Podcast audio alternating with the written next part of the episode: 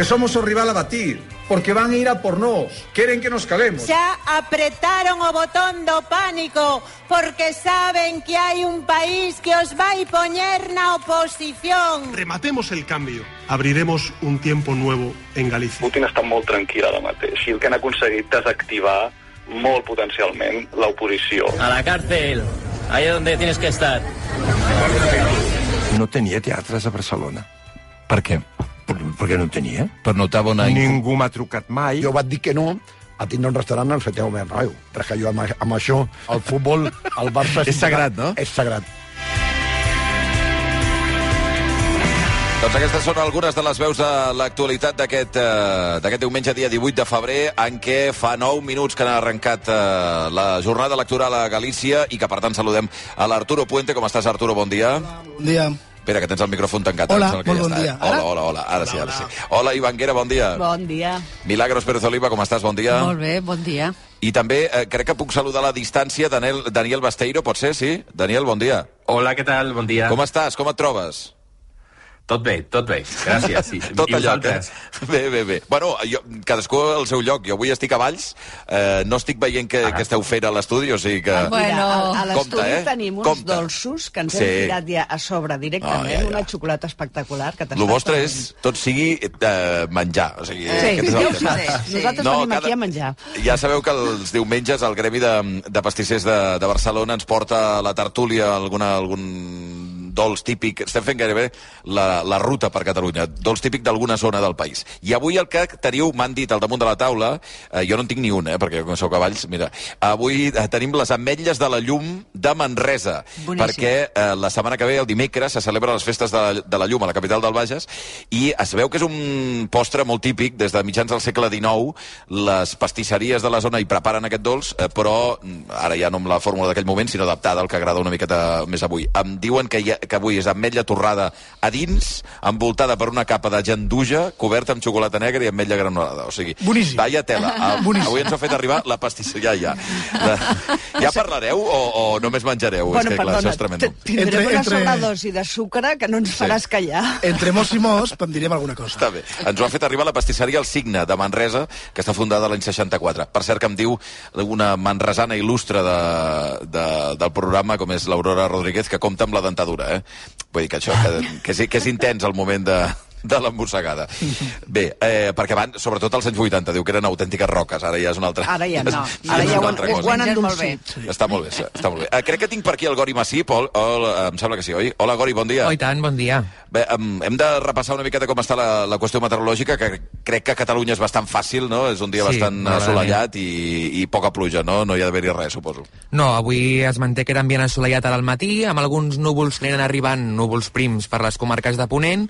A la tarda s'estendrà la resta i serà una tarda més de cel mig enteranyinat, mig ennuvolat, sobretot a Lleida, Tarragona, Pirineu, però vaja, sense risc de pluja, i de nou al migdia amb aquestes temperatures, podríem dir poc pròpies d'un mes de febrer, 18, 19, 20 graus de màxima, especialment a punts del litoral, i també del prelitoral. Per tant, pocs canvis, també per començar la setmana aquesta mateixa tònica de temps. Núvols que van passant, però ara per ara no deixen aquesta pluja que tant esperem i que, fa, que tanta falta fa. Ha passat ja el... És que no sé quan havia de passar aquest eh, fenomen meteorològic per tota Espanya, excepte per Catalunya. Eh, Havia de ploure per tot arreu, excepte... He vist algun mapa, que no sé si és així, eh, Gori? És- Però... Sí, és la setmana que ve, això? No, bueno, és la tònica que estem tenint ja de fa setmanes. Sí. Són aquests fronts atlàntics que estem nosaltres a l'altra punta no, de l'oceà Atlàntic i, per tant, quan arriben aquí ho fan amb forma d'aquests núvols esquifits que, més enllà d'esmorteir el sol... Sí, sí, no fan res. No fan res de res. I, I a Galícia ha de ploure avui que hi ha eleccions, perquè això hi ha tota una sèrie d'analistes que sempre analitzen l'importància de la pluja en una jornada electoral. Ha de ploure avui o què? Poc, poca pluja. Un dia Poc. una mica rúfol a les províncies de Lugo i a Corunya. Potser a la tarda algun plogim podria fer la vessant més cantàbrica de Lugo i a Corunya, però vaja, quatre gotes. Poca cosa. I més clarianes cap a Pontevedra i també cap a Ourense. Està bé. Gràcies, eh, Gori. Fins ara. Que vagi bé. Bé, ara de seguida anirem fins a Galícia perquè hi tenim dos dels tres eh, corresponsals de, o enviats especials de rac a les eleccions gallegues. Fa eh, 13 minuts exactes que han obert ja les urnes en unes eleccions que jo diria, tinc la impressió que fa tres setmanes dèiem, miràvem com una mena de partit ja amb guanyador definit i que en les últimes hores i sobretot en l'última setmana ha fet la impressió que s'obria bastant i que, de fet, eh, el Partit Popular anava amb dubtes ja al tram final de la campanya electoral. Ara de seguida en parlarem. Però us volia preguntar dos coses. Eh, hem sentit algunes veus ara, eh, en les veus del dia. Ahir vam emetre dues entrevistes que crec que són molt interessants, molt, amb dos dels grans noms de la cultura catalana, com són Ferran Adrià i Josep Maria Flotats.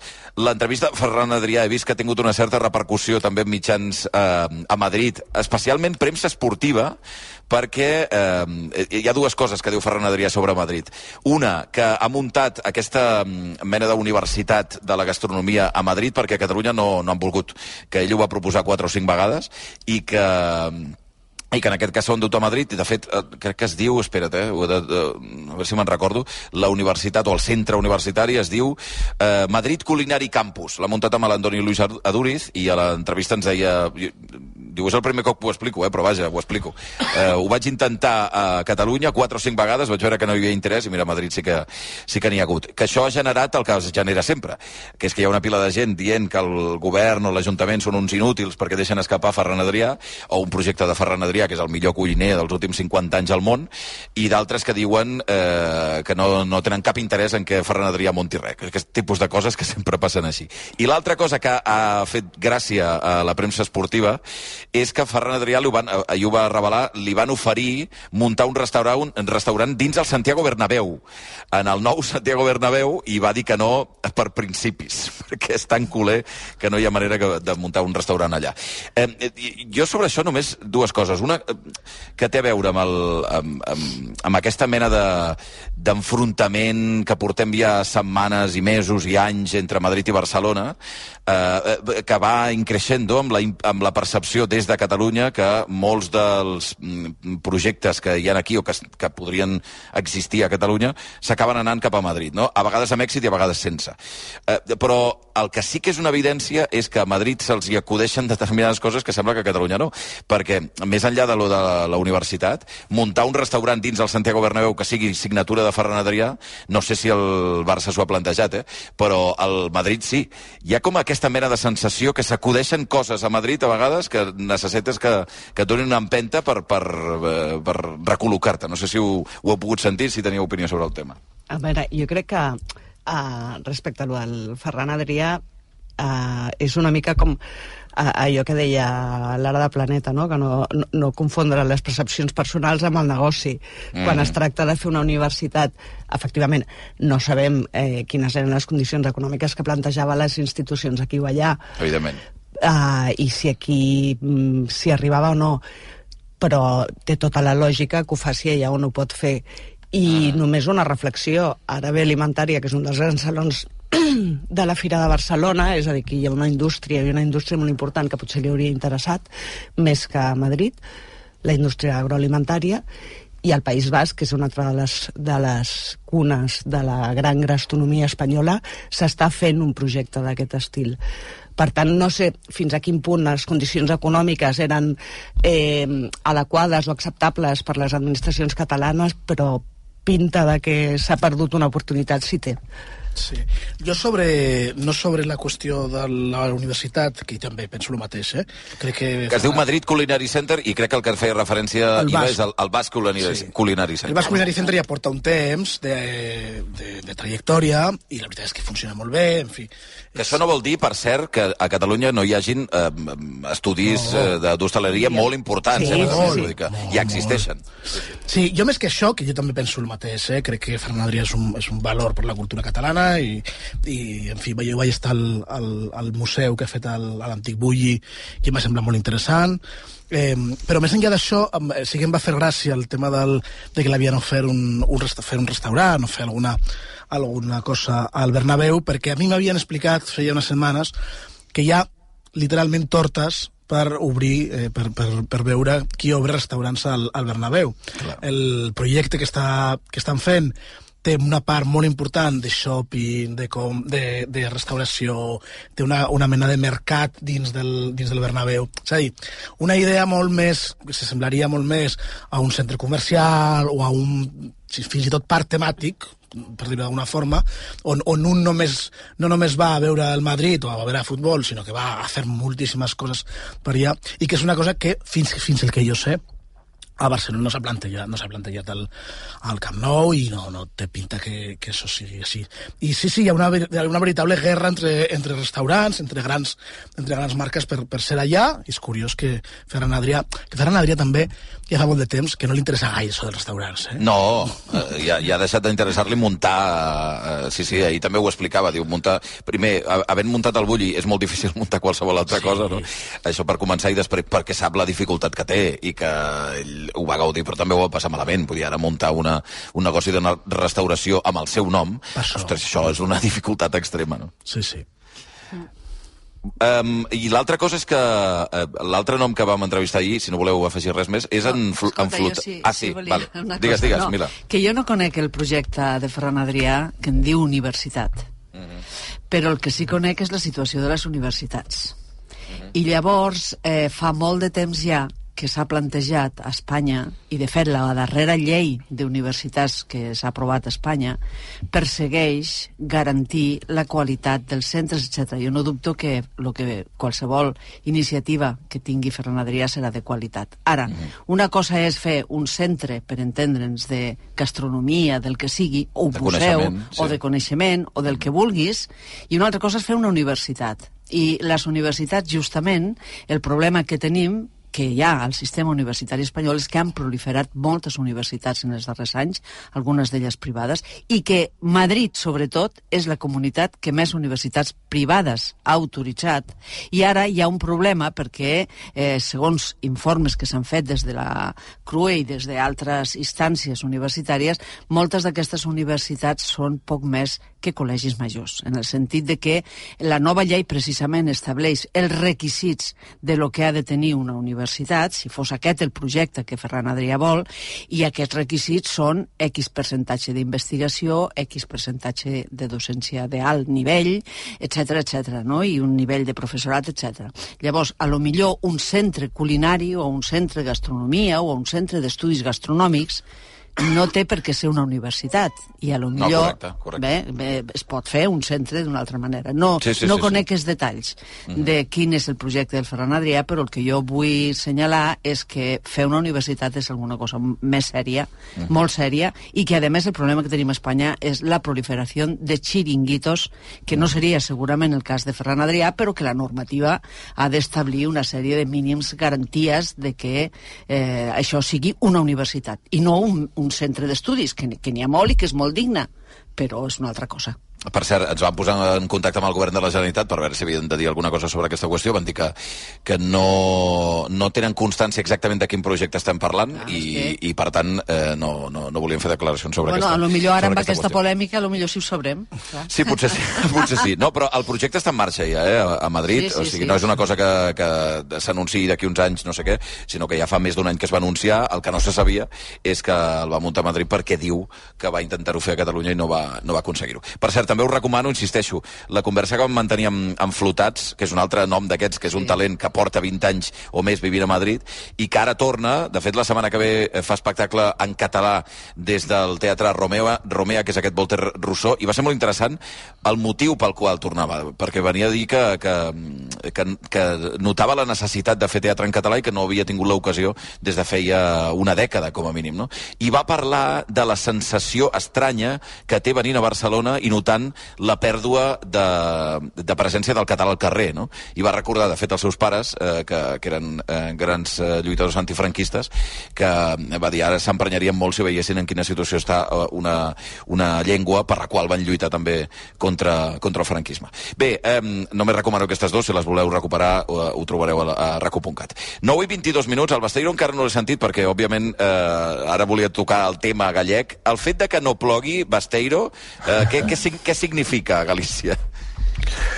Pues eh, yo estoy en A Coruña y hace un, tendremos un cielo azul precioso eh, Sí. que yo creo que animará a la, a la gente a ir a votar. Las elecciones gallegas son unas elecciones con, bueno, tradicionalmente poca participación.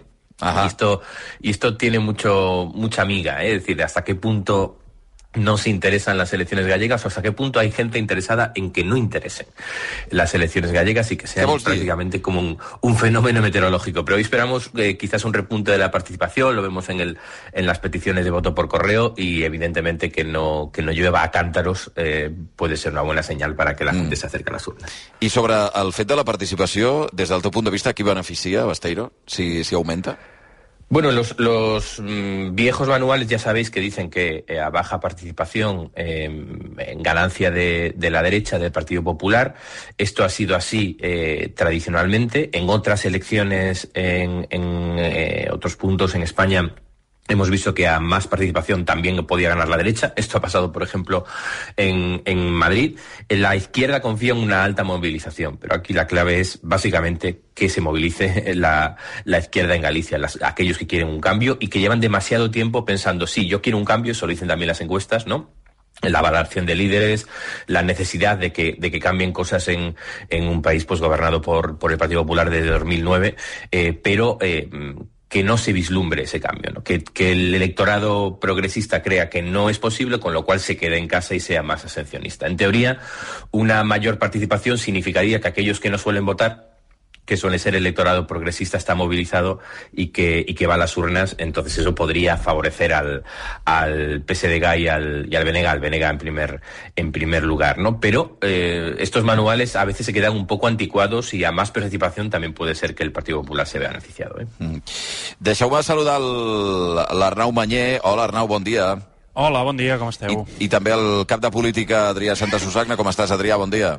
Hola, bon dia, com esteu? Els tenim els dos eh, enviats cap a Galícia. De fet, s'hi afegirà d'aquí una estoneta el Jordi Armenteres per, per poder seguir l'inici de la jornada electoral i també, evidentment, la nit electoral, que, com ja hem explicat abans, se seguirà amb tota la intensitat a RAC1, programació especial amb el, amb el Jordi Basté. On sou ara mateix? Sou a Santiago o us heu mogut o on sou? Doncs mira, jo ara mateix estic a Santiago perquè res, d'aquí 5 minuts en principi ha d'arribar Anna Pontón al Col·legi Electoral on soc ara mateix, que és el, el Centre Gallec d'Art Contemporani que està aquí a, a Santiago. I estem esperant que arribi perquè serà la més matinera votar ara a dos quarts de deu del matí i després doncs la podrem sentir a veure quines són les seves sensacions en aquesta jornada electoral que es preveu doncs que hi pot haver joc però vaja, ja sabem com és Galícia i és molt, molt complicat treure una majoria absoluta al Partit Popular. Per cert, que ara mateix tenim aquella típica imatge que repeteix tant aquí a Galícia, que és una cua de monges que les han portat Hombre, perquè puguin votar a primera hora. Ja han arribat. Sí, sí, de moment en tenim quatre seguides. En canvi, Alfonso Rueda, que votarà més tard, cap a dos quarts de dotze, i ho farà a Pontevedra. Um, tot plegat, mentre, per cert, ja estan constituïdes a Galícia el 99,6% de les meses. Falten només uh, una quinzena de meses que de moment encara no, no estan constituïdes per algun, algun incident que intentarem esbrinar aviat, però en principi, a priori, la gran majoria de, de les meses que, que ja obren amb els primers vots.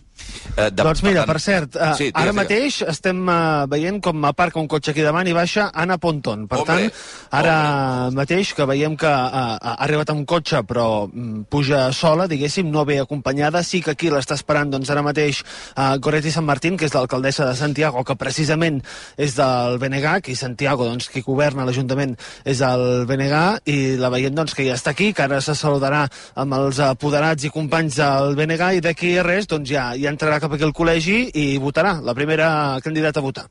Eh, eh, de fet, hi ha gaire expectació a l'exterior o no? Perquè clarament el nom eh, més, més interessant d'aquestes eleccions a Galícia és ella, és Anna Pontón. Doncs sí, sí, hi ha mm, perfectament una quinzena de mitjans i darrere de la taula eh, de la mesa on ha de votar potser tranquil·lament una vintena de càmeres entre televisions i fotògrafs. Per tant, l'expectació és gran.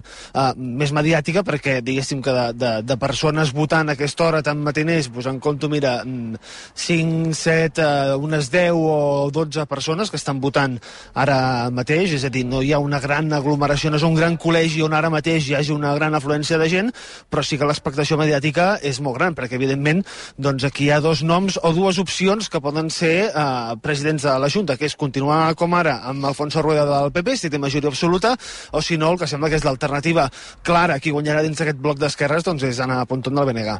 Mm. Tens llibertat, eh, uh, Adrià, per, per entrar en qualsevol moment, quan entri cap a dins, quan exerceixi el dret a vot, i a veure si podem sentir també uns minutets a la líder del BNG, que ara mateix és la, no, Arturo, Iva, Mila i, i Basteiro, ara mateix és el gran protagonista d'aquestes eleccions a Galícia, no sé si per, de forma inesperada, però convertida en la gran alternativa, en una candidata que podria ser històrica, no només perquè governi un partit nacionalista a Galícia, sinó perquè és dona, pot ser Sí. la primera presidenta, i perquè ha arrossegat, no sé si a través del magnetisme, no sé si a través de- d'un canvi de rasant a la política gallega, però ha arrossegat una pila de gent. Sí, sí, sí. Jo crec que Ana Pontón és la, la absoluta protagonista eh, davant d'un Rueda que s'ha anat desdibuixant i que estava tota l'estona eclipsat per la figura de Feijó. Suposo que era inevitable eh, que, que passés això, però clar, davant d'un Rueda que ha de competir dins del seu propi partit per tenir visibilitat, eh, Pontón ha, ha aprofitat això i ha guanyat, i ha guanyat eh, durant tota la campanya, ha anat guanyant visibilitat. Jo crec que és molt interessant doncs, això que... uh, disculpeu que us interrompi, però ara mateix, doncs mira, tenim Anna Pontón davant d'aquesta mesa electoral on no hi havia cua, ara està saludant doncs, tots els membres de- d'aquesta mesa electoral, els hi dona el DNI, que és el procediment doncs, habitual que tots sabeu quan uh, aneu a votar. Ara és quan no la troben a la llista, eh? Seria una cosa... Estaria bé que digui, no, no és la mesa del costat, vagi Sí, sí, cap sí, a l'altra. sí, sí. Sembla que, que no passarà, uh, aguanta el vot amb les seves dues mans, li tornen el DNI que se'l posa a la butxaca, i ara mateix doncs, està introduint el vot a l'urna, l'aguanta per tenir la foto i que totes les càmeres doncs, eh, la tinguin ben controlada, aquesta fotografia de dos quarts de deu del matí, ella que doncs, va mirant de banda i banda a totes eh, les càmeres, mentre aguanta amb la seva mà dreta aquest vot que és del BNG, el seu, la seva candidatura, ella mateixa, i bé, es gira cap endarrere per tenir la contraimatge amb totes les càmeres que estan aquí intentant captar aquest moment del vot de la possible eh, presidenta de la Junta si a canvi avui aquesta nit a Galícia. Ara mateix doncs que continua s'està fent llarg això eh? És a dir totes les càmeres Hi ha massa foto, hi ha massa foto. donant uh, voltes uh, aquí, sí, tothom vol fer la seva foto, totes les imatges uh, possibles, i bé, ara sí que, bueno, li, clar, que els fotògrafs també demanen uh, a tothom, ara aquí, ara aquí, ara allà.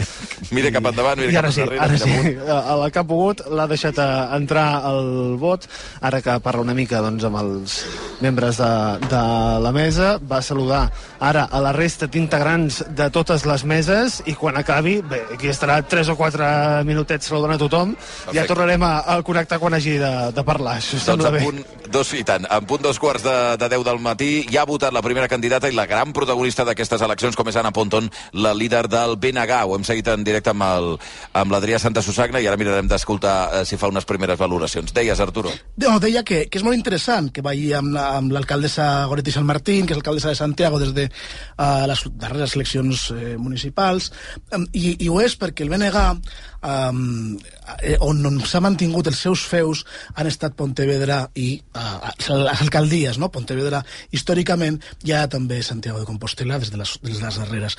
I mm, el BNG clarament ha deixat de fer, no sé si por, no sé si mai ha fet por, però sí que uh, és un partit que sap, durant tota la campanya, ha volgut explicar que, el, que, el, que, que són un partit que reivindica l'orgull gallec, no? Els hem vist durant tota la campanya uns vídeos on tota l'estona eren desacomplexadament nacionalistes, però també d'un nacionalisme eh, que no feia gens de por, que no era radical, que volia aglutinar, que es donava la mà amb el PSG, amb el, amb el, amb el Partit Socialista Galeg.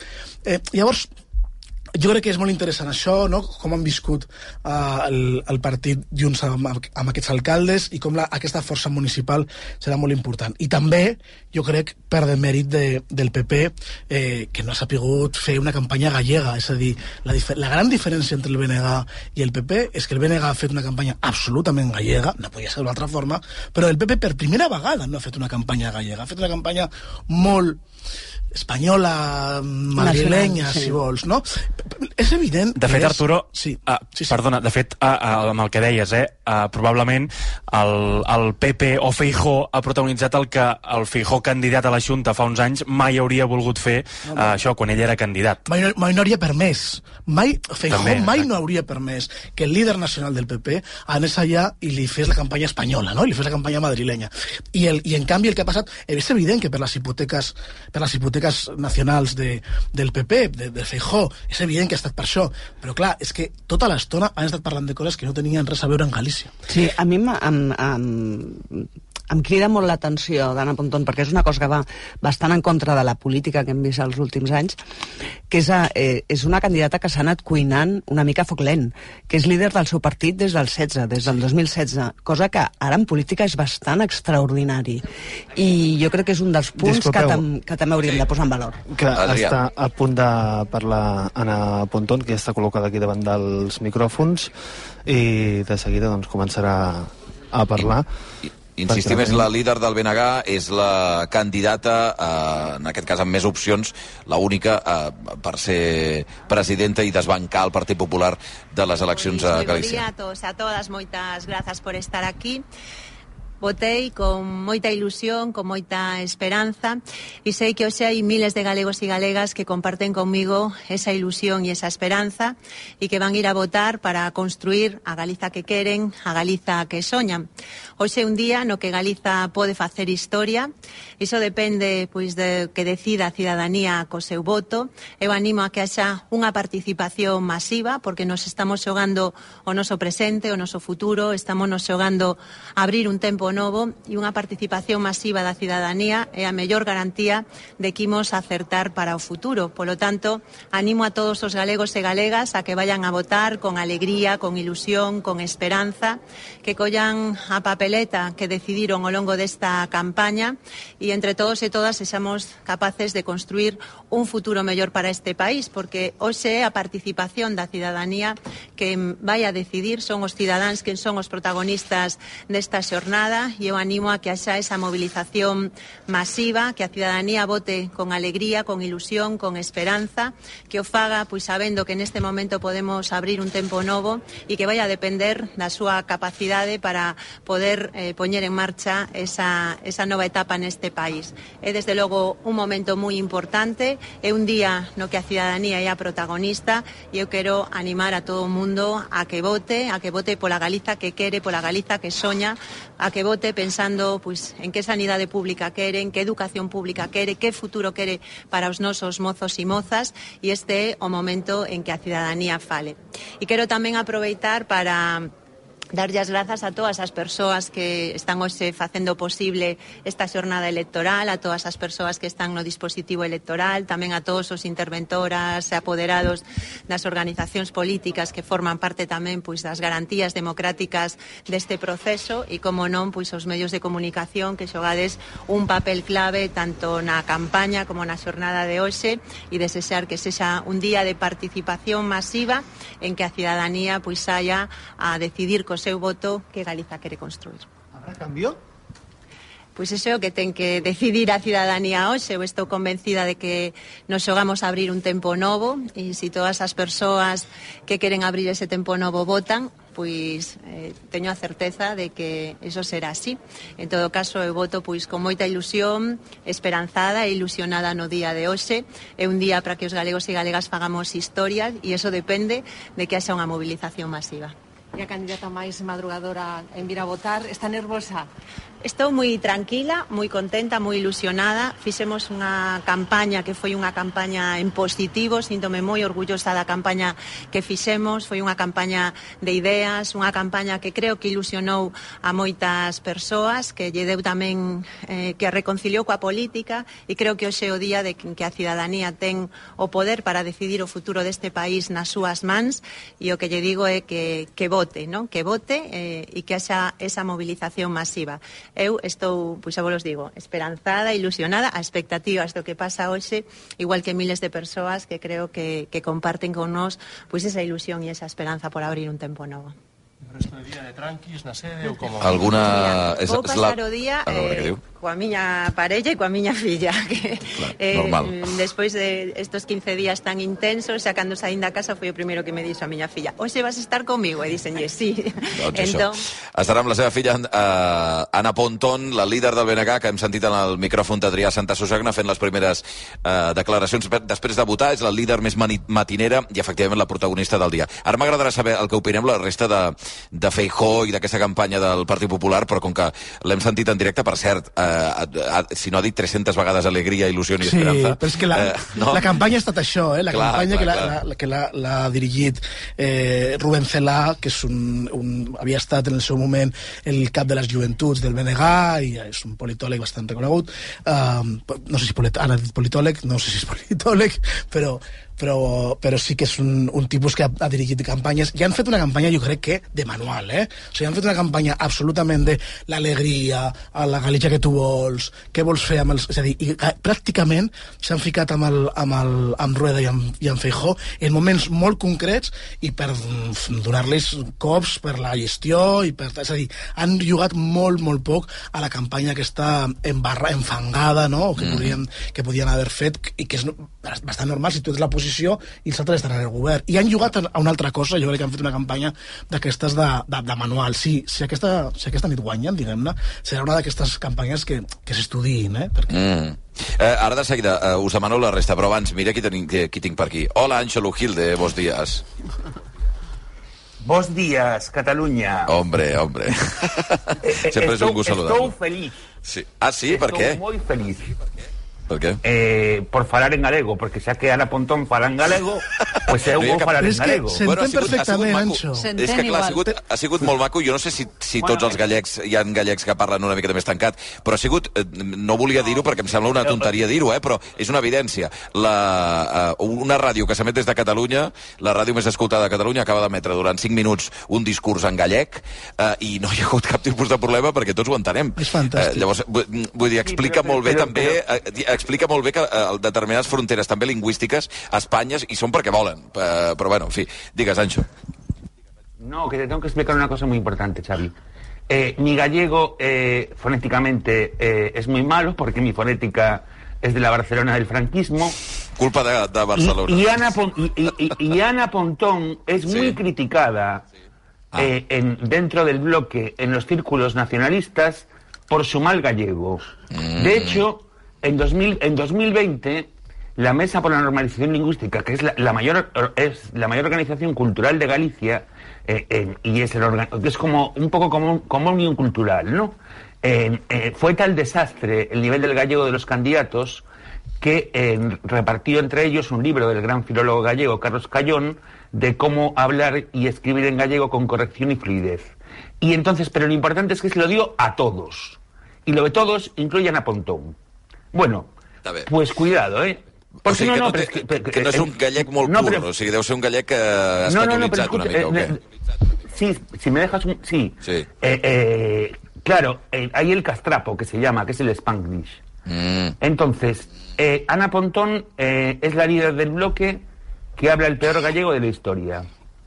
Esto probablemente sea una de las claves de su éxito. Ah, mira, no està mal vist, això. En- sí, sí, hay, hay gente en el PP y no del PP que dicen es la primera líder del bloque que habla como la gente. Y entonces la gente le entiende.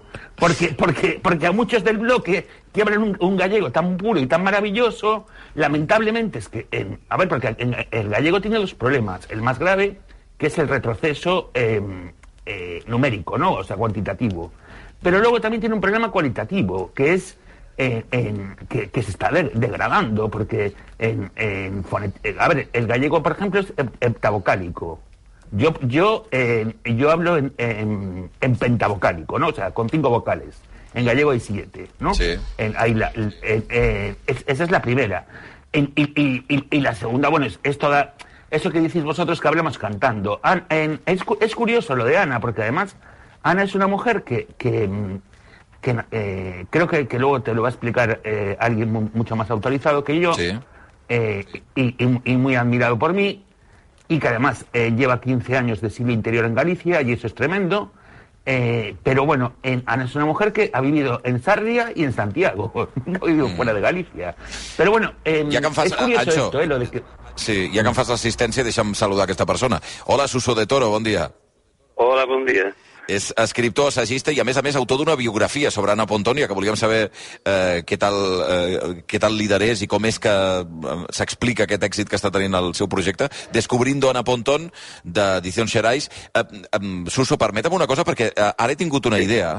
Adrià, eh, disculpa, eh, l'Adrià Santa Susagna, després de, la, de les declaracions d'Anna Pontón, algun mitjà ha demanat que es traduís? No, és, és que és una cosa molt curiosa, perquè a Catalunya, normalment, quan parla un líder en català, a la que acaba de parlar en català, els mitjans que tenen abast espanyol, diguéssim... Ahora en castellano. Els els hi demanen, exacte, ahora en castellano. I això passa a cada, cada, cada roda de premsa. Aquí hi havia mitjans, diguéssim, de nivell de tot l'Estat, i Anna Pontón ha parlat en gallec i ningú li ha demanat que ho fes en castellà. Això vol dir que per tota Espanya les eh, declaracions en gallec sonen en gallec, però les que haurien de ser en català sonen en castellà. Vull dir que és molt curiós.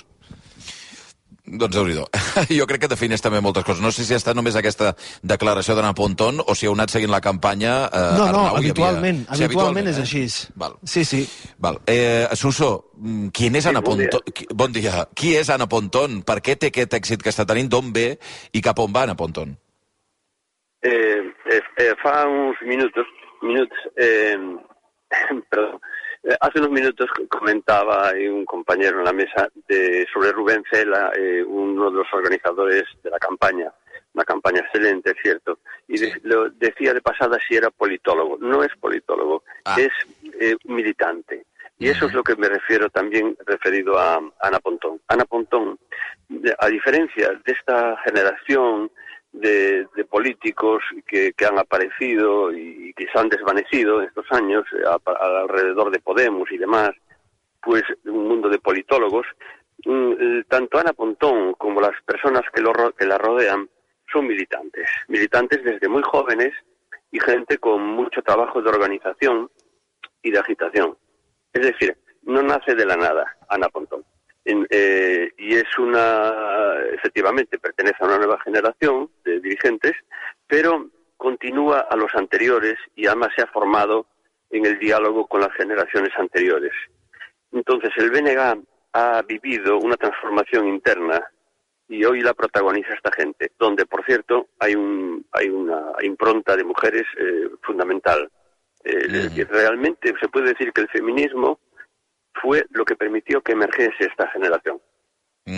Eh, clar, Se han organizado y ahí dentro han, han hecho han, han hecho masa crítica ahí dentro y realmente hoy son, son quien dirige el BNG. Quien, quien tenga una idea sobre el BNG de hace oh, 10 años, pues estará equivocado con respecto a la- al BNG actual. Ha habido unos cambios que son cambios culturales, generacionales, cambios muy profundos.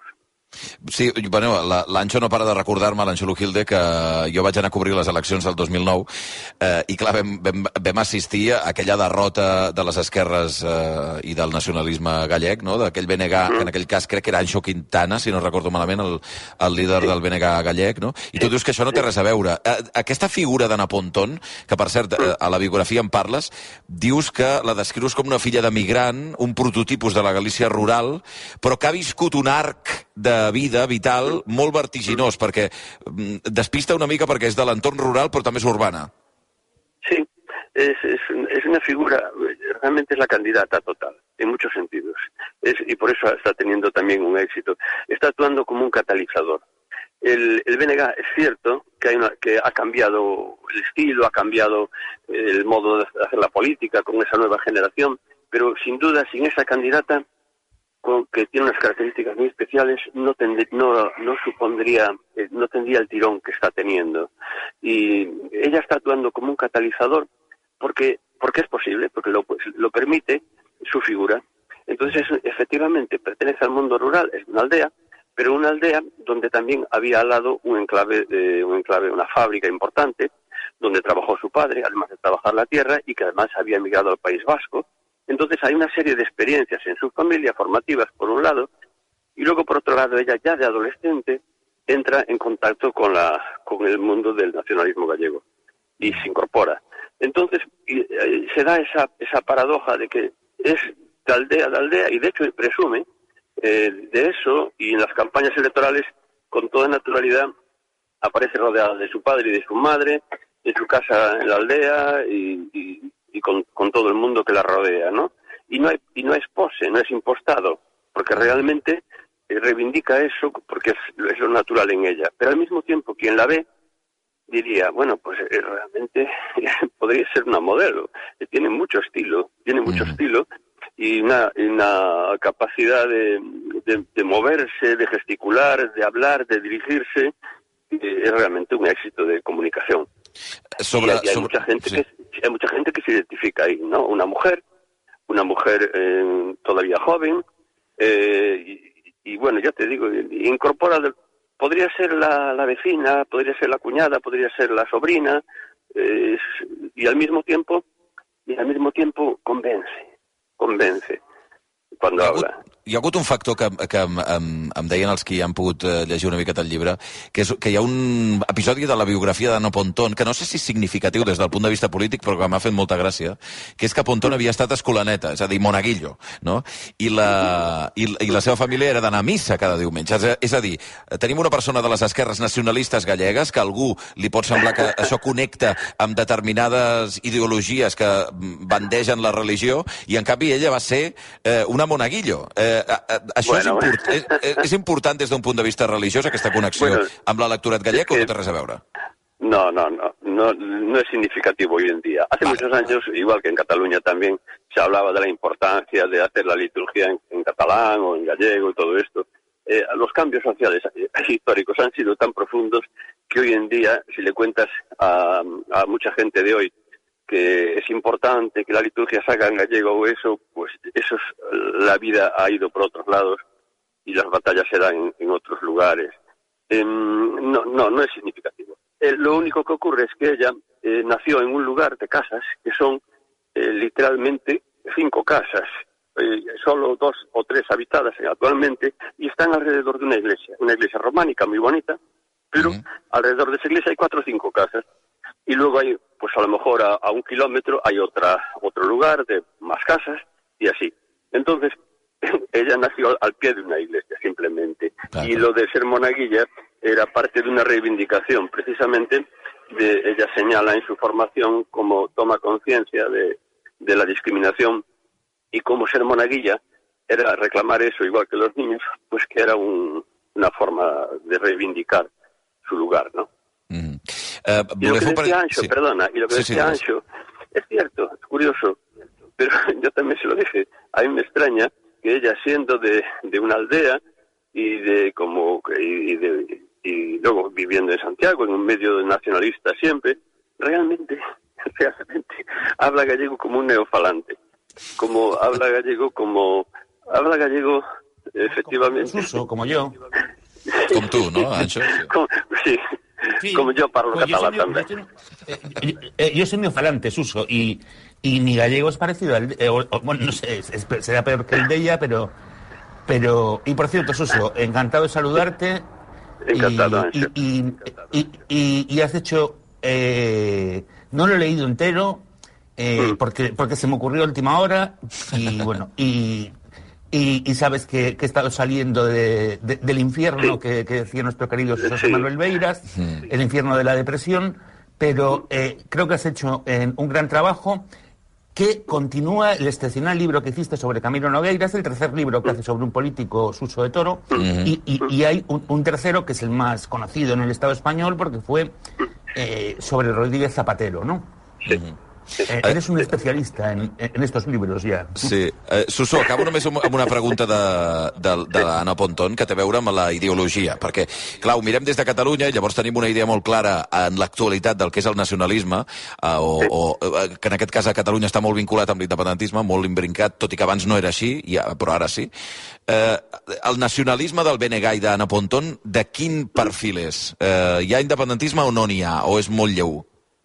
Mira, eh, eh, Ana ha, ha ido y, y su, y su grupo generacional y su grupo de dirigentes alrededor de ella, porque ella realmente es una líder, ejerce un liderazgo, o sea, no es, no es, aunque o formalmente ella es portavoz del BNG, es decir, sería puramente alguien que habla en nombre del BNG, en realidad es una dirigente, es una dirigente que además que marca su impronta con carácter y, y- vamos, como que manda, por así decir, ¿no?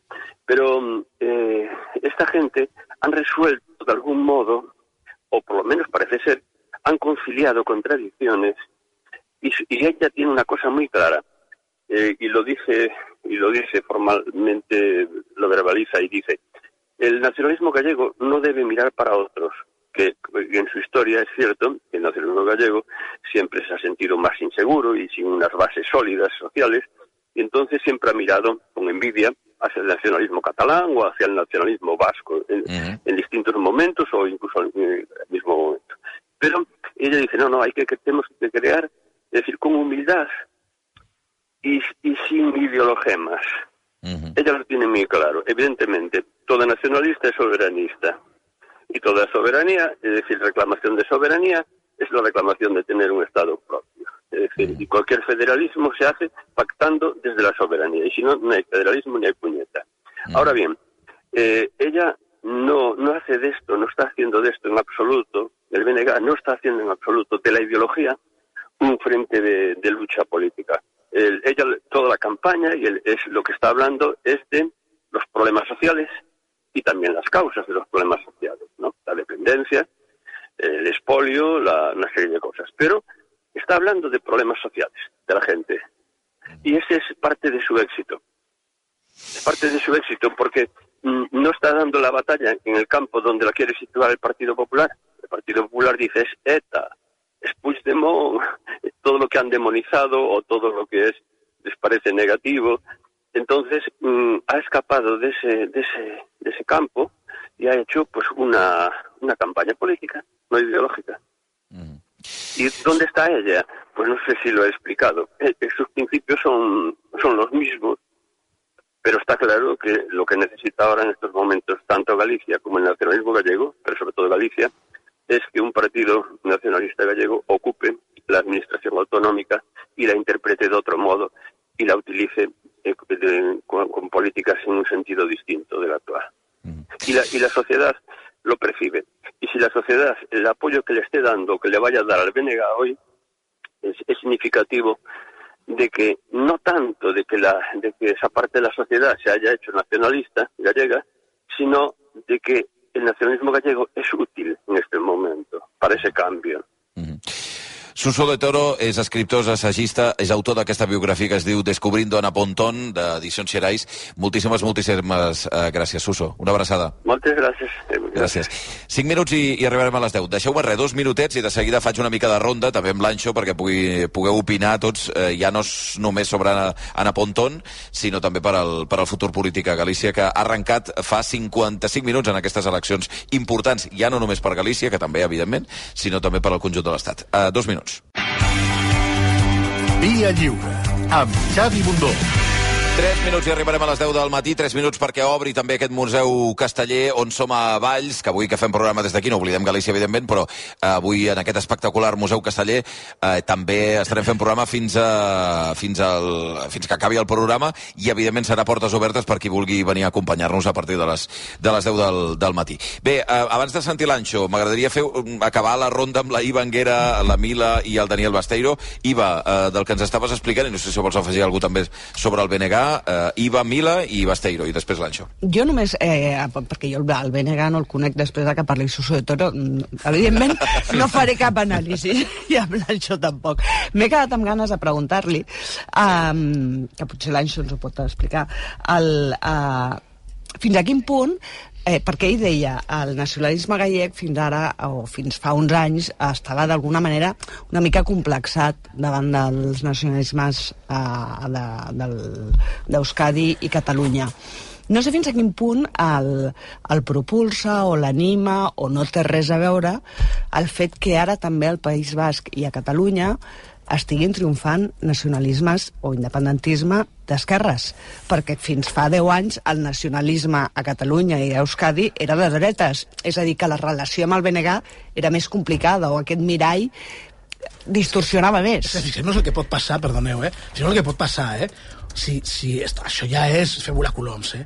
Anna Pontón eh, governant la Junta, Eh, Peyo Chandiano guanyant al País Basc no crec que sigui Endacari, és molt, molt difícil, però sí guanyant al País Basc i, no, és que Republicana I, mantenir i Pere Aragonès, de, mo de moment, de moment, segueix sent president. al Palau de la vull dir que, però vull dir que fixeu-vos quin canvi més tremendo, no? Per En això la- que en jo, jo imagino que, el, que, que pel BNG el mirall de, de Bildu i Esquerra sí. és molt més fàcil que no pas el de Convergència i el PNB. Per, per simplificar el que deia l'Artura, eh? eh? és a dir, que passaríem d'un govern eh, més o menys nacionalista gallec del Partit Popular, aquest nacionalisme més soft, evidentment un punt folclòric, si vols dir-li, eh, a un govern nacionalista d'esquerres a Galícia, que a Euskadi passaríem del nacionalisme de dretes eh, de, del PNB per passar al nacionalisme de- d'esquerra, de, de, en aquest cas de, de Bildu, i a Catalunya hauríem passat del nacionalisme convergent al nacionalisme d'Esquerra Republicana. Aquest és el canvi significatiu de la perifèria nacionalista eh, nacional espanyola, no? És, és- Sí, sí, és el, exactament això, el dibuix sí, que et feies.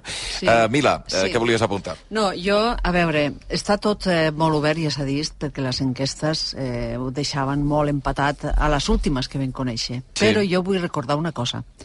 Les enquestes, com que l'última setmana no es fan i es van fer en plena polèmica i en plena, en plena diríem, canvi de, de, o, o materialització del canvi de tendència, el Mhm. problema de les enquestes és que normalment detecten quan hi ha una onada de canvi però tenen molt difícil establir quina és l'alçada i la intensitat d'aquesta onada. I sobretot tenint en compte que, que l'última setmana no se'n publica.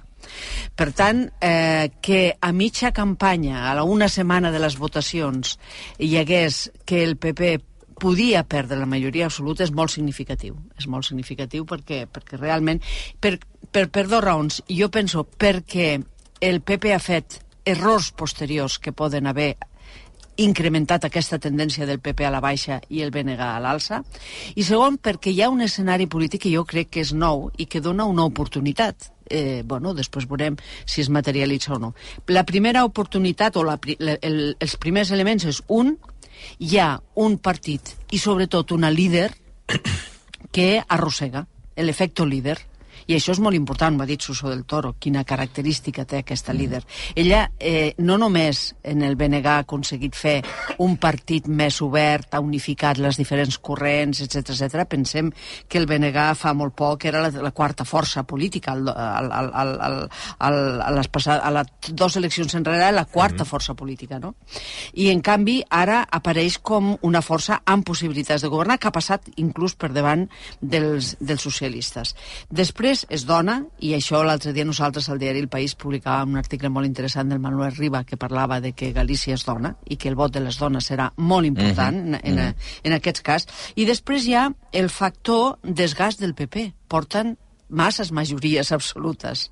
I ni que no sigui com va passar en Andalusia, que també els socialistes tenien un poder imp imprès, impressionant, immens, però arriba un moment també que mm, pensa, pensa de més una altra cosa, que el PP gallec va perdre les primeres eleccions després de la crisi del prestigi, del prestigi. I ara, d'alguna manera, hi ha un clima d'una nova generació també que, com aquella vegada, estan, estan pujant, no? I després cal, cal veure també els errors de campanya eh, de, del PP que han sigut uns, uns, uns giragons constants, un dir una cosa i fer... Eh, o sigui, un canviar de discurs d'una manera radical, un desmentir-se a si mateix d'una manera radical i l'espanyolització de la campanya. Jo crec que això, justament Sí, sí. quan Anna Pontón la feia més eh, galega que mai, diríem, i a més una altra Perdona, cosa... mira, molt, molt, molt bon apunt aquest ara, Mila. És a dir, Pontón ha quedat, Anna Pontón del BNG ha quedat en aquesta mena de piscina olímpica que li han deixat,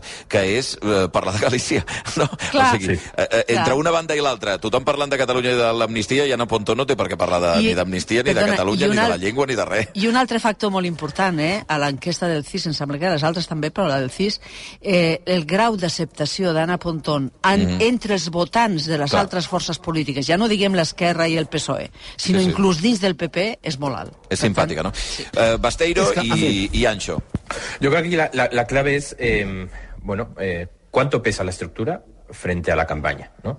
¿Cuánto pesa la estructura del Partido Popular, que es un partido grande, que funciona como un ejército? Y aunque en el discurso hayamos visto todos estos tropiezos, eh, sabemos que ha estado haciendo su trabajito eh, casa a casa eh, de manera muy intensa, como siempre, con unas complicidades económicas tremendas, con unas complicidades, complicidades por ser diplomático, mediáticas también bastante importantes frente a la campaña, por ejemplo, de Ana Pontón. ¿no? Si os fijáis, Ana Pontón lleva casi preparándose yo no diría toda su vida política, porque es bastante larga en el BNG, pero sí desde que es eh, voceira nacional, de que, desde que es eh, portavoz nacional, que es en 2016, unos meses antes de que se celebren las elecciones, donde le supera todo el mundo, ¿no? Porque el BNG estaba en una crisis existencial y ahí superó, por supuesto, el Partido Popular, eh, las mareas que quedaron en segundo lugar y el, y el PSDG, ¿no? Y, y Ana Pontón y un equipo en el que está Rubén Cela y otros eh, consiguieron, eh, bueno, eh, el timón, hacer del BNG no un gran ejército como el Partido Popular, pero sí un pequeño ejército que está bastante cohesionado.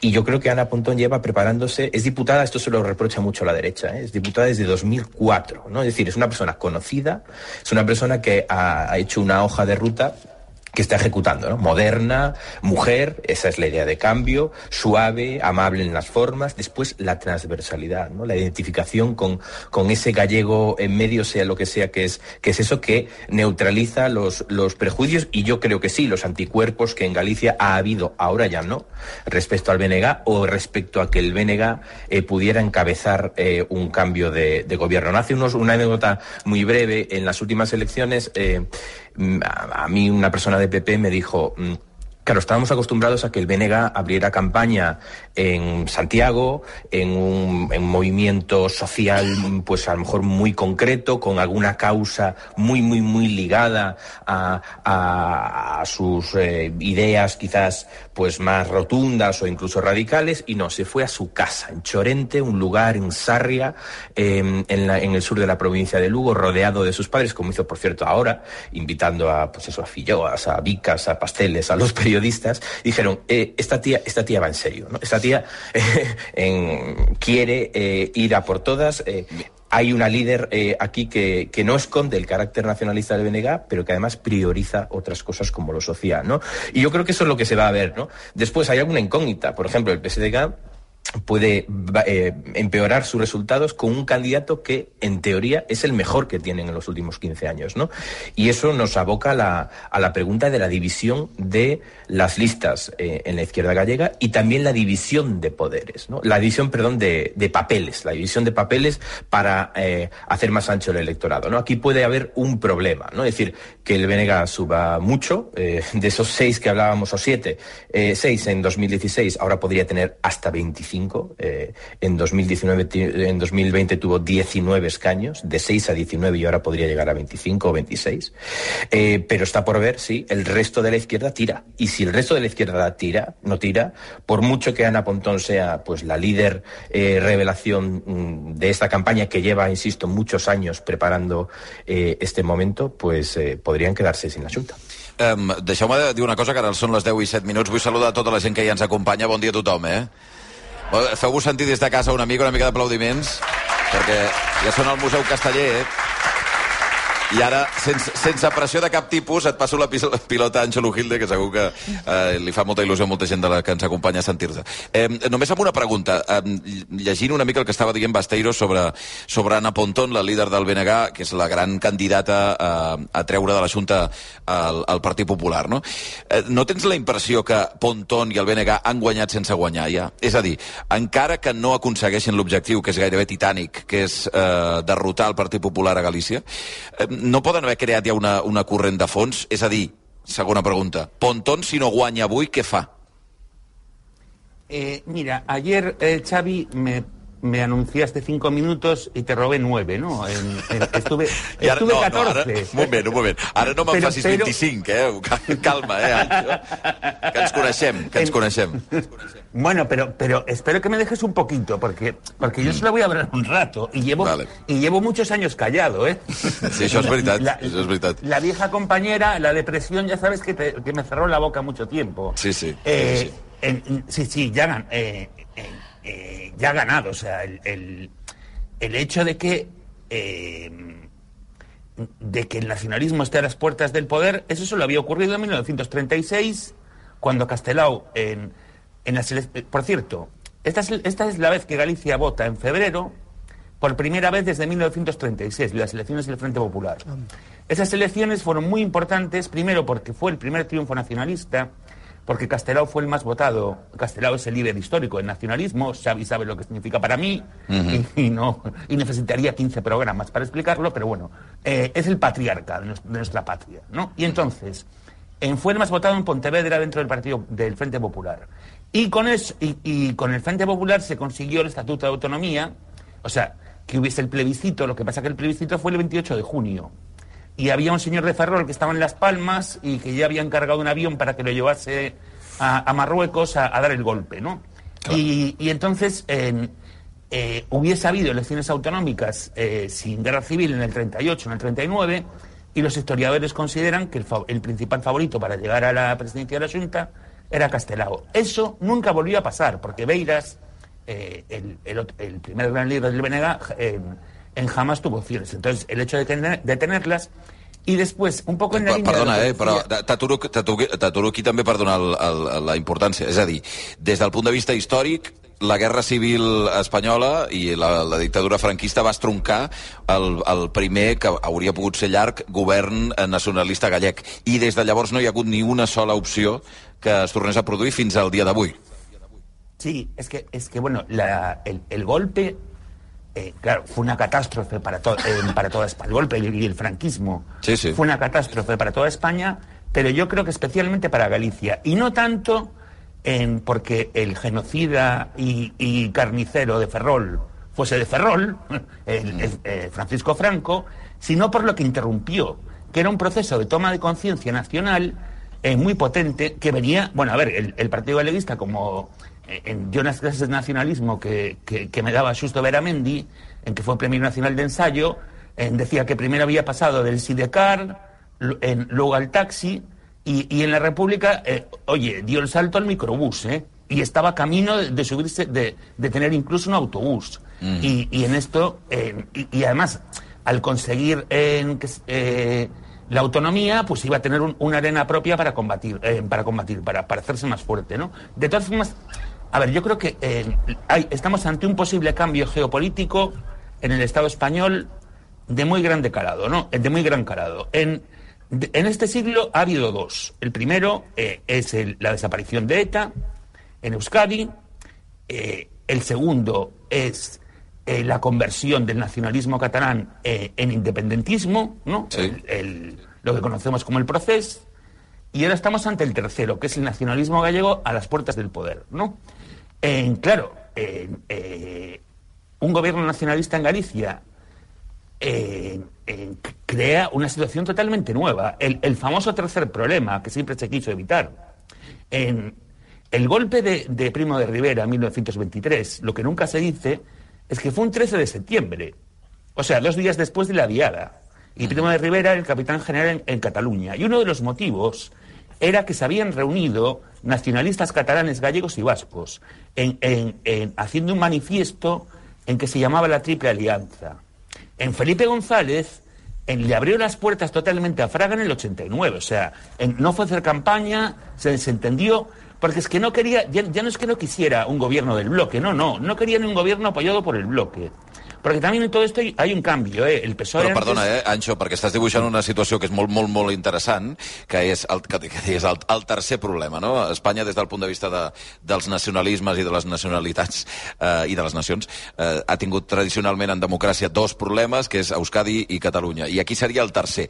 Eh, eh, però també estàvem dient ara que el BNG, eh, que pot a, a, arribar i accedir a la presidència de Galícia aquesta nit, eh, sí, canviant moltes coses i amb moltes dificultats. Eh? També hem dit que és un nacionalisme eh, que, que, no, que no fa servir el fuet de l'independentisme amb una facilitat molt gran, no? Tampoc no seria el nacionalisme més exacerbat eh, que hem viscut els últims temps a, a, a Catalunya amb el procés, no? D'una manera tan, tan explícita, no? O sí? No, es que con, es que con ese nacionalismo eh, yo, no, yo no sé si llegaría al 20 eh, a- o, o al 15%. No, claro. És, Això, és, però sí, però eh, això és- t'ho dic perquè, perquè el Eh, tercer eh, sí, problema hi existeix en el moment en què això suposa un pols a l'Estat d'algun tipus, però no té per què ser un pols al BNG. No, no, en- en- bueno, eh, en- como hay un gobierno nacionalista, ya verás lo que dice la, la- la- la caverna de Madrid. Eso sí, es el tercer problema sí. en, en- en- en el sentido de que, de que en la presidencia de la Junta deja de, ter- de tener obediencia madrileña. En, o sea, sí. en, eh, en- a ver, es que No, i vam Eh, veure, perdona, i en campanya vam veure, i ho hem dit també, el primer cop sentir el ETA. Ja, vull dir, ja, ja hem entrat en aquesta, No, pero, pero, en pero aquesta a dicotomia. ver, la, el- la autonomía en Galicia la consiguen eh, el, el nacionalismo, el partido galeguista, ¿no? Pero, en, pero con, con el, con el golpe, en- con la dictadura, en- con el debilitamiento de- del nacionalismo durante estos años y su escoramiento hacia posturas muy de izquierdas, en radicales de izquierdas, en, en la línea de, de los, de los movimientos de liberación del tercer mundo, porque, porque fue, fue lo que ocurrió, eh, en- en- al llegar la democracia, quien gestiona esa autonomía conseguida por el nacionalismo es el posfranquismo vestido de gaiteiro, a través de Manuel Fraga. Clar, clar. Entonces, es- en- entonces esto supondría, digamos, reforzar el autogobierno, en el sentido de que el, el poder en- residiría en Santiago, ¿no? Por eso también creo que, que desde el punto de vista femenino, que Ana Pontón llegue a la presidencia de, de la Junta no tiene nada que ver con Esperanza Aguirre, con Ayuso, con Susana Díaz, porque tanto Esperanza Aguirre, Susana Díaz y, eh, y, Ayuso eh, no están en la máxima instancia de poder a, a las, a las- a las que ellas aspiran. Ellas quieren llegar a la Moncloa. Ana Pontón sería la primera mujer política en el Estado español que alcanza todo el poder al que ella aspira. Porque Ana Pontón, evidentemente, eh, no querría ir a la. Moncloa. Claro. Eh, o sea, desde el punto de vista del poder femenino es algo tremendo. Bueno, y, y- y evidentemente en- es en el país de Rosalía de Castro. O sea, y es en un país muy, eh, muy femenino. Y primero porque la migración eh, hizo lo que Rosalía llamaba la- las viudas de los vivos, que se quedaban sin los, sin los hombres, ¿no? Sí. Y, y ahora por el envejecimiento, porque como las mujeres eh, tienen una esperanza de vida mucho mayor, en, pues, pues por eso hay, hay, hay una mayoría en femenina. En, mira, en, sobre lo que decía Mila de las encuestas, eh, en, en Galicia hay un problema, que es que en, cuando, bueno, el gran Julián Santamaría, en, que es el mejor encuestador que hubo en España, que fallecido en, lamentablemente, eh, que por cierto era el que le hacía las encuestas a Feijó en 2009, después de haber sido director del, del CIS con, con González. Eh, bueno, señalaba problemas metodológicos que, eh, que tienen que ver en parte con, con las dificultades de las respuestas que, que- que se obtienen en Galicia, ¿no? Pero lo que sí te digo, que siempre ha habido en un resultado reñido y en el 2005, en el 2009 y en el 89 las encuestas no han servido para nada.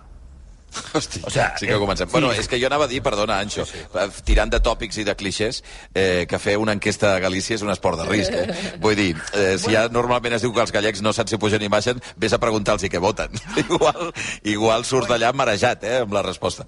Eh, eh, permetem un segon, eh, a banda de la broma, Anxo, dos minuts per damunt d'un quart de 12 del matí. He d'anar un moment a la publicitat i de seguida et pregunto, i a tota la resta també, més enllà del BNG, eh, perquè estem parlant molt del BNG, òbviament, perquè és com la notícia del dia, és el personatge del dia a Pontón.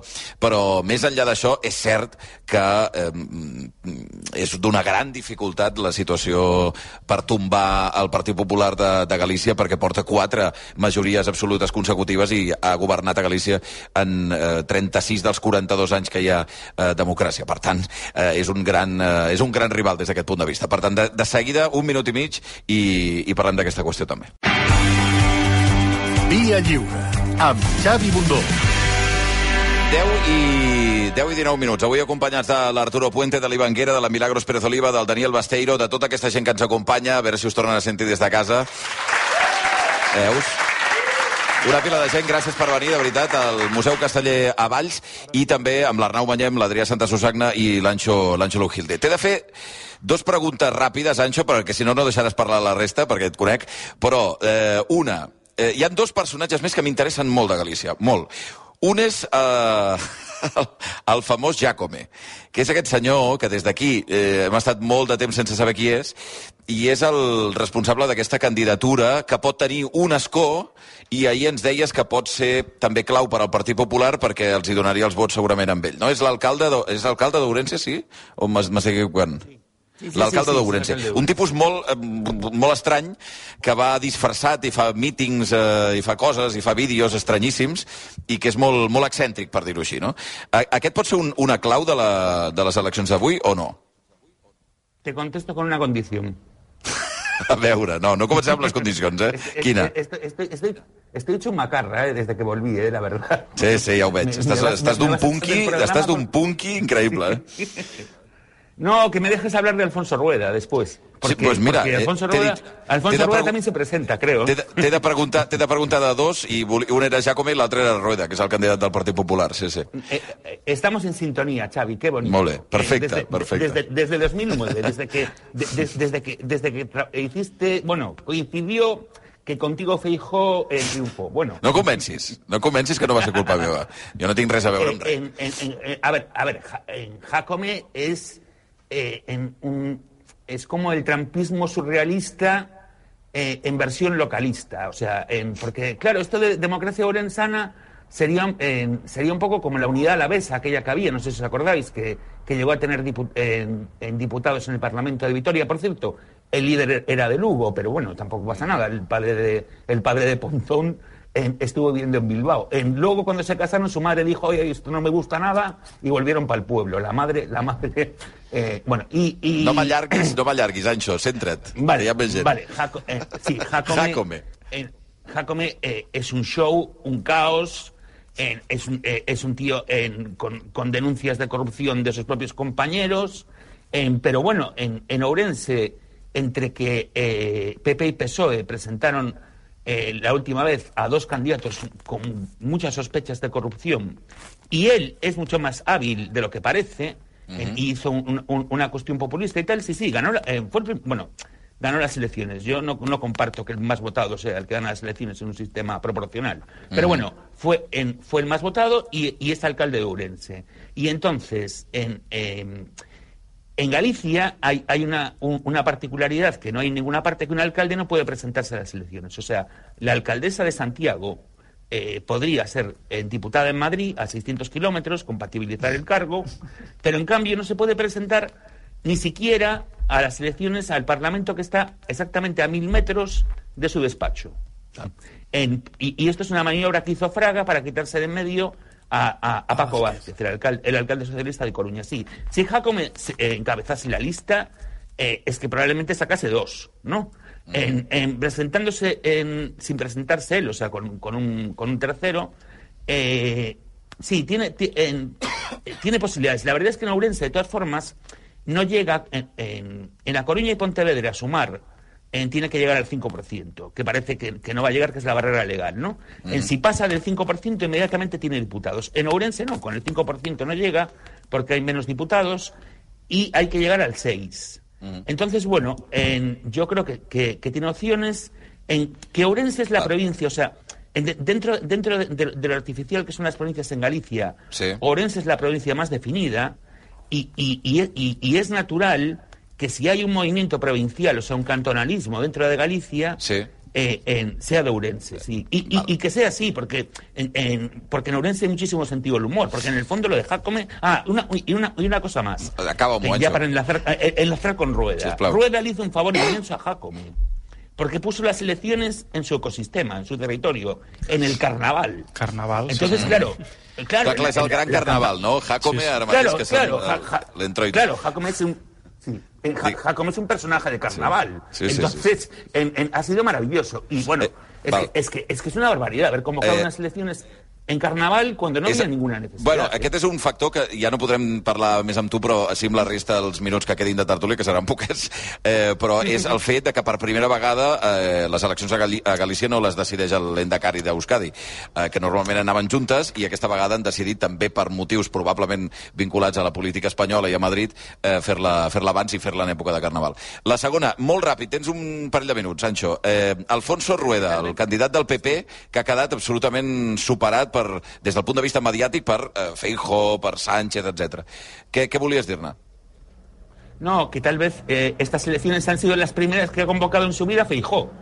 Porque cuando Mm. era presidente de la Junta se las convocaba el Endacari y, y yo creo que se las ha puesto a, a- a- a Alfonso Rueda.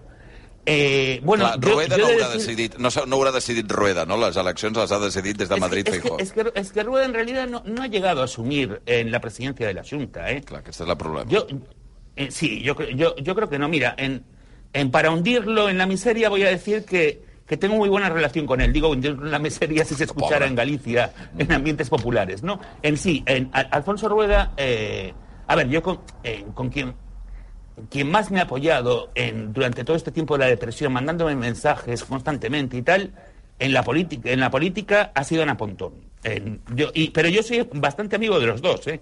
Y, y- y de Rueda tengo que decir que es mucho mejor persona de lo que parece y es un tío muy simpático, pero la verdad, en, en- en la campaña me ha parecido un candidato del PSDG. Ahora dirás, menudo amigo, ¿no? En- ha sido un candidato en, bastante malo.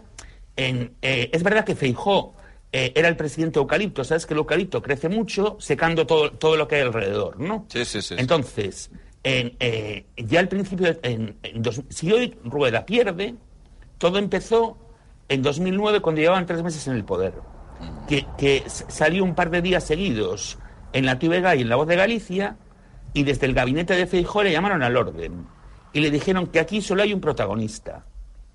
Y entonces, cuando llegó el poder en, en- en- en 2022, porque Feijóo consiguió su sueño de irse a, a esa ciudad que tanto ama y, y que se la regaló para él, eh, eh, Rueda era un desconocido absoluto.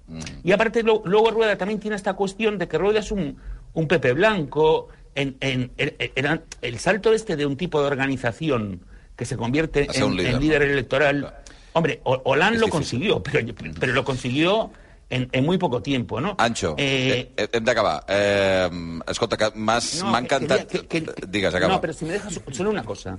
Uh, però En- molt breu, y- és que estàs eh, ocupant l'espai es sencer. muy breve Digues. y no, eh, eh, eh, sobre lo que dijo mi, mm, eh, mi compatriota eh, Daniel Basteiro, al que le doy un, un fraternal saludo. En, Otro en Galicia y hay gallego, problema- saludos, sí. y, ga- y gallego saludo, Otro además... ti, eh, compañero. muy bien. Además, él, él- él- él es de Vilalba y yo soy de Sarria, en como, como Ana Pontón, y nos separan 66 kilómetros, ¿no? Que lo miré ayer por Fraga y Ana Pontón. Mira, en, en los datos de, de participación en Galicia, los oficiales no sirven para nada, porque, porque te dan el, el dato con, eh, con el exterior. O sea, por ejemplo, en Amb el vot 2020 exterior. Eh, eh, Anxo, per això ens Claro, ho complicaràs i- molt ara. Si fas una No, anàlisi però del vot són exterior, ens ho complicaràs. Però- Que però, el, les dades de participació a Galícia tenen molt a veure amb, eh, amb el vot interior gallec, perquè eh, si el mires des del punt de vista del vot exterior, canvia massa, perquè el vot exterior, que és el que es vota des de Eh, que- Sud-amèrica, que són- canvia radicalment.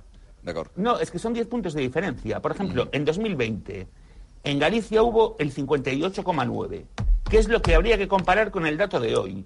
Pero el dato oficial dice un 49. Claro. Porque ha metido la part- eh, entonces La participación de en- en- en- entonces claro, es que si en por ejemplo, si tú se compara siempre con el anterior oficial, entonces en el 2020 fue el 59. En el, en el 2016 el 54. Con esa comparación, ostras, Galicia votó más con la pandemia.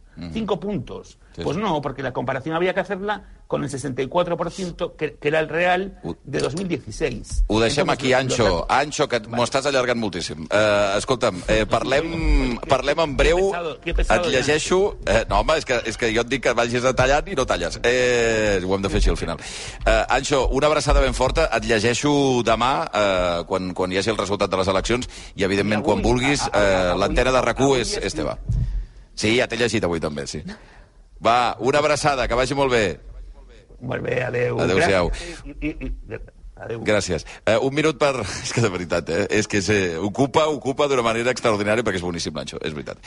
Uh, clar, després de tot aquest anàlisi, no sé què voleu afegir, però Arturo, Iva, Mila, Daniel Basteiro, eh, al voltant de...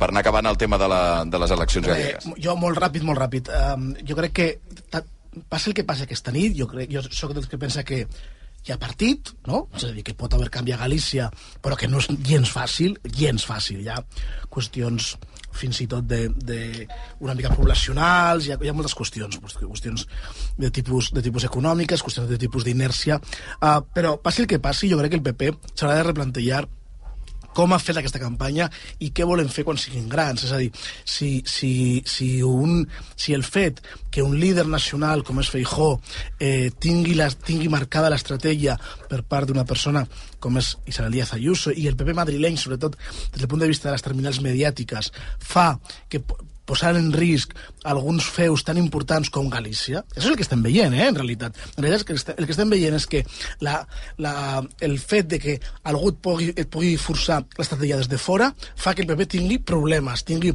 possibilitats de perdre allò on no havia perdut mai. Uh, el PP s'ha de replantejar aquesta, fins i tot si guanya, eh? s'ha de replantejar què està fent i qui, a qui deixa tenir poder dins del partit. Um, vale, seguint amb, amb, amb aquesta línia i, a, i analitzant els resultats més en, en clau nacional, perquè al final són unes eleccions convocades en clau nacional absolutament, eh, com, com deia l'Anxo, probablement eh, manades des de Gènova, perquè Fijó necessitava revalidar el seu lideratge al, al PP nacional. Estem parlant molt d'Anna Pontón, de la possibilitat de que el PP perdi la Junta, perquè, efectivament, com deia la Mila, eh, hi ha un desgast natural de moltes... Eh, de, de moltes majories absolutes i d'un partit que porta molts anys governant allà, però és molt difícil. I jo crec que aquí també d'alguna manera hem sobredimensionat aquesta possibilitat perquè el PSOE ha olorat sang a banda de les, de les errades descomunals d'estratègia de Feijó durant la campanya, el PSOE ha vist una opció de vendre un, unes eleccions que seran uns resultats molt dolents per ells, com una victòria sempre i quan perdi més al PP de Feijó. Però si el PP, de, si el PP finalment no perd la Junta, l'anàlisi que haurem de fer haurà de ser, haurà de ser sobretot de que el, el socialisme gallec amb el seu millor candidat queda tercera força i que la vicepresidenta del govern espanyol ni està ni se l'espera i és gallega, mm. perquè Sumar i Podemos no, no han estat capaços de posar-se d'acord. Mm. Això d'una banda, i d'altra banda, respecte al, al PP i les conseqüències que pot tenir tot això, els que coneixen molt bé el PP diuen tota l'estona, eh, les fonts internes del PP diuen tota l'estona que, que Díaz Ayuso, perquè una altra de les lectures és si Feijó no, eh, si, si, Gal, si el PP per Galícia amb Feijó a la secretaria general del partit havent forçat aquestes eleccions, Feijó tens, tens dies comptats i la gran amenaça és Díaz Ayuso. Tothom a dins del partit et diu que Díaz Ayuso està molt tranquil·la, que ara el que està és consolidant el seu poder a Madrid, que té una majoria absoluta i que té, que té espai per recórrer encara. Però demà al matí eh, Isabel Díaz Ayuso Díaz Ayuso té un esmorzar informatiu i serà la primera lideresa del PP que parlarà. Uh, uh mira bueno. que ets, malva, ets malvada. Eh? Depèn del que passi. Yeah. Uh, és yeah. perillosíssima aquesta primera declaració d'Ayuso. Yeah. Val, uh, sí. Acabem amb la Mila i amb el Basteiro. Mira, jo crec que aquestes eleccions gallegues per primera vegada tindran moltes més conseqüències de totes les anteriors per primera vegada el mapa polític espanyol pot arribar a canviar, perquè si hi ha canvi a Galícia, eh, l'escenari que es dibuixa a Espanya és completament diferent. Tenim allò que en deia l'Anxo, el tercer problema, no? Uh mhm. -huh. Tenim eh, que les tres comunitats històriques, les tres nacionalitats d'aquest estat suposadament plurinacional, estan governades en aquell moment, seria, per forces polítiques que són nacionalistes, però, a més, bastant escorades a l'esquerra, perquè també caldrà veure després a les basques què passa amb Bildu i el PNB. És a dir, el PNB no perilla el seu govern perquè el PSOE li donarà, li donarà però no es pot menys tenir eh, la força que pugui tenir Bildu. L'altra qüestió que jo crec que és important és que Feijó, passi el que passi, surt tocat. Sí. Perquè si guanya, naturalment, menys tocat, perquè podrà resistir i segurament podrà aspirar a ser el candidat que ja veuríem, de totes maneres, a unes properes eleccions, tenint en compte que el PP juga amb la hipòtesi de que la legislatura sigui curta. ¿vale? i que a lo millor no s'aventuraran a canviar un líder eh, si no tenen la seguretat de que la legislatura eh, eh, s'allarga. Però si perd, crec que està tocadíssim. Però jo el que vull subratllar és que també està tocat si, si guanya, perquè haurà guanyat malgrat ell. Mal, haurà guanyat per la força de resistència d'aquesta estructura de la que parlava l'Anjo del PP, que ha sigut molt clientelari, i encara que ara no tenen esbaltats d'històrics ni tota aquesta gent, doncs eh, segueix tenint una estructura molt clientelar eh, a través de la Junta i a través dels, dels, dels consells, etc etc. no? I, per tant, i el que és més interessant és això. Què passa en el PP? Crec sí, que tindrà més repercussió sobre el PP que sobre el PSOE, òbviament, perquè el PSOE va, parteix d'unes expectatives baixíssimes. Besteiro probablement és un bon candidat, però també és una altra qüestió a reflexionar la injustícia, perquè aquest home ha estat apartat de la política per unes, eh, diríem, persecucions judicials que al final han quedat en no res, diríem, no? Mm. Uh, uh, M'ho acabes, Besteiro? Sí, sí, sí, claro. Yo creo que es decir, de, depende, depende mucho del resultado. ¿eh? ¿eh? yo soy bastante escéptico sobre que si el PP eh, mantiene la mayoría absoluta vaya a cambiar gran cosa. En Galicia, desde luego, nada, porque seguirá gobernando como desde 2009. Hmm. Y en el conjunto de España, Fejo podrá decir que tiene una mayoría absoluta eh, en Galicia que ha conseguido él, ¿no? El caso es que hay, hay partido, ¿eh? todo se juega, incluso las encuestas eh, que dan la mayoría absoluta al Partido Popular pues se la dan pelada. Es decir, todo se juega en dos, tres escaños, eh, por lo tanto, uh, las encuestas hoy ya eh, no sirven de nada y creo que todo se juega en la resistencia de esa estructura eh, del Partido Popular. La campaña ha sido desastrosa para el Partido Popular. Es decir, recordad que se convocan las elecciones en Navidad para que se hagan en Carnaval, justo después de aprobar unos presupuestos. Es decir, unos presupuestos que, bueno, si pierde las elecciones no podrás gestionar. ¿no? Es decir, ha sido una jugada para intentar que no pasara nada, que todo siguiera igual, que eh, Rueda ganara de calle gracias a esa estructura y la campaña ha sido un horror, desde los pellets, manifestaciones por la sanidad, el debate de la televisión de Galicia le salió fatal, dejó vacío el, el, atril en el debate de, la red televisión española. Después hay una líder y uno que puede hacerse. Y ahora y, y, con esto voy concluyendo. Una líder claramente es Ana Pontón, lleva años forjando ese liderazgo y Rueda que lleva en la Junta desde 2009 todavía no es un líder, pero yo os aseguro que si hoy conserva la mayoría absoluta del Partido Popular, hoy nace un líder, ¿eh? que es Alfonso Rueda y nos pueden esperar muchos años. ¿eh? Es decir, ojo, porque yo creo que estamos en un escenario eh, tipo 2009, aunque con, con, con aunque no esté la, la, izquierda en el poder, eh, escenario que conoces bien por lo que veo, Xavi. Es decir, bueno, eh, me'n responsabilitza en Basteiro, com si totalmente. cosa veure, que vaig anar a cobrir-ho. No yo no sabía esto, pero ahora, ahora te escucharé con otros oídos. No, en, 2000, en, no en 2009, fijaos, ¿eh?